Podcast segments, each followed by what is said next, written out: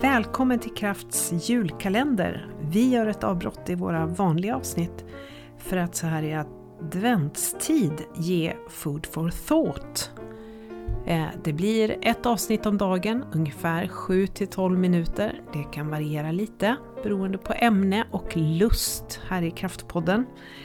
Eh, men på det här enkla viset så skulle vi vilja ge lite ny energi och kanske lite tankeväckande insikter eller frågor för dig.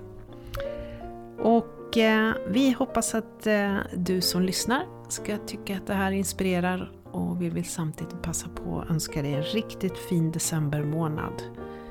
Och så småningom en riktigt god jul och ett gott nytt år. Välkommen! 13 december och det är Lucia-morgon.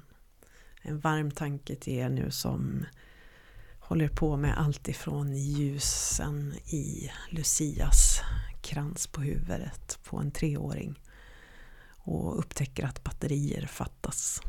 Mm. Har varit där en gång i tiden och tittat på små tomtenissar på eh, förskolan. Det är otroligt fin tid att få vara med om. Hoppas ni har tid att njuta också idag.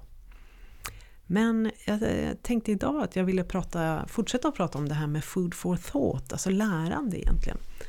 Jag tycker verkligen om att läsa böcker.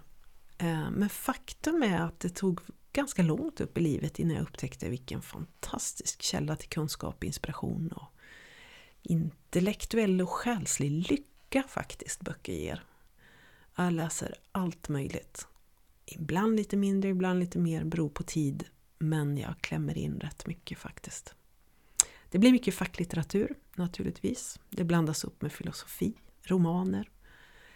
Eh, jag har gärna några poddar jag följer och tycker om att läsa en bra tidning och särskilt om jag och min man kan diskutera någonting eller med några vänner. När en journalist haft tid att bearbeta ett ämne och djupdyka i det och göra en bra artikel om det, det är ju verkligen njutning. När jag är ledig då läser jag faktiskt mycket biografier. Sommaren och julen och sådär. Och jag kan bli väldigt fascinerad av de här livsödena. Och någonting som man noterar när man läser om storheter som Obama, Kennedy, Mandela, Lagerlöf, Palme eller Churchill eller andra. Eh, det är ju att många av dem är goda läsare. Någon lär ha sagt någon gång att Today's readers are tomorrow's leaders. Läsandet är ju superviktigt tänker jag för ledare.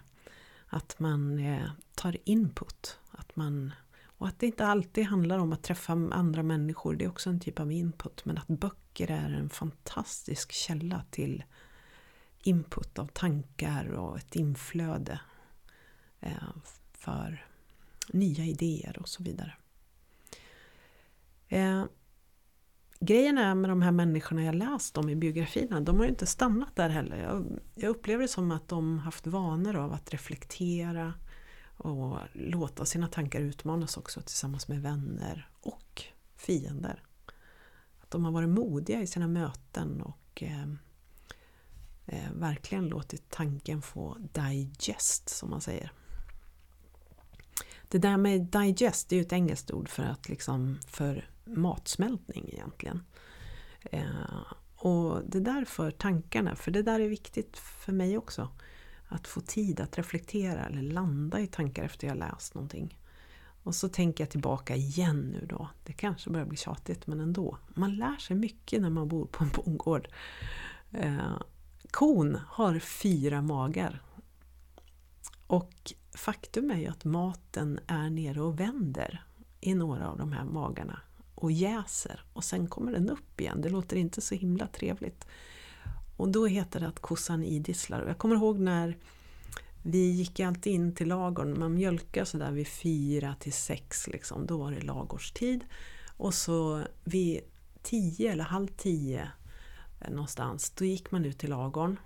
Och ibland var det jag som gjorde det eller följde med någon av mina föräldrar dit. Och så tittade man till allting och mockade kanske undan någonting och lite sådär. Såg till att de hade det bra och att det var rent och fint och för natten hos korna. Och då låg alla korna och idisslade. Väldigt lugnt och otroligt rofylld stämning där inne i lagorn när korna låg och idisslade. Korna har ju fyra magar som sagt. Vommen, nätmagen, bladmagen och löpmagen. Löpmagen är den sista magen. Men från vommen och nätmagen och blad, bladmagen, se vad jag kommer ihåg, så är det faktiskt så att innehållet kan transporteras tillbaka till munnen för att tuggas om, alltså idisslas. Det här är jag Eh, en del kommer jag ihåg och sen så var jag tvungen att dubbelkolla det lite grann. Lunds universitet har en fantastisk sida när det gäller sånt här. Eh, kan jag rekommendera varmt. Det där med idissla i alla fall, det tror jag man gör klokt i att göra. Med Food for Thought.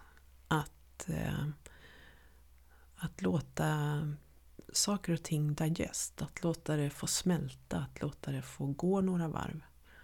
Eh, när man har läst eller tagit intryck av någonting. Eh, själv gör jag det på olika sätt. Ibland genom att skriva. Eh, mycket genom att tala med Daniel som jag är gift med eller några utav mina goda vänner eh, i samtal. Och mina kunder naturligtvis. Att digest är viktigt.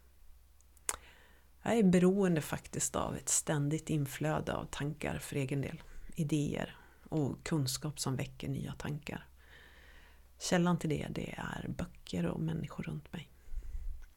Och jag lägger märke till vad som händer när jag har för mycket att göra och inte prioriterar att stanna upp och idissla de där tankarna. Då är känslan nästan som man går på bensinångorna och kör bilen utan däck. Liksom. Eh, livet har en tendens då att bli lite svartvitt och tvådimensionellt och tråkigt.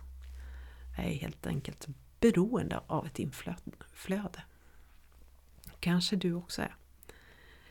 Eh, jag skulle också vilja tala med dig som bara till dig, kort. Du som kanske kämpar med dyslexi eller inte tycker att du är något läshuvud. Själv var jag faktiskt en late bloomer. Jag var runt 30 när jag upptäckte att jag tyckte om att läsa. Och det var en människa på en ledarutbildning som utmanade mig och sa så här. Jag läser 600 sidor i veckan, sa han. Hur många kan du läsa? Eh, så jag skickar det vidare till dig. Jag vet inte hur många sidor i veckan jag läser. Men jag tror att du också kan läsa.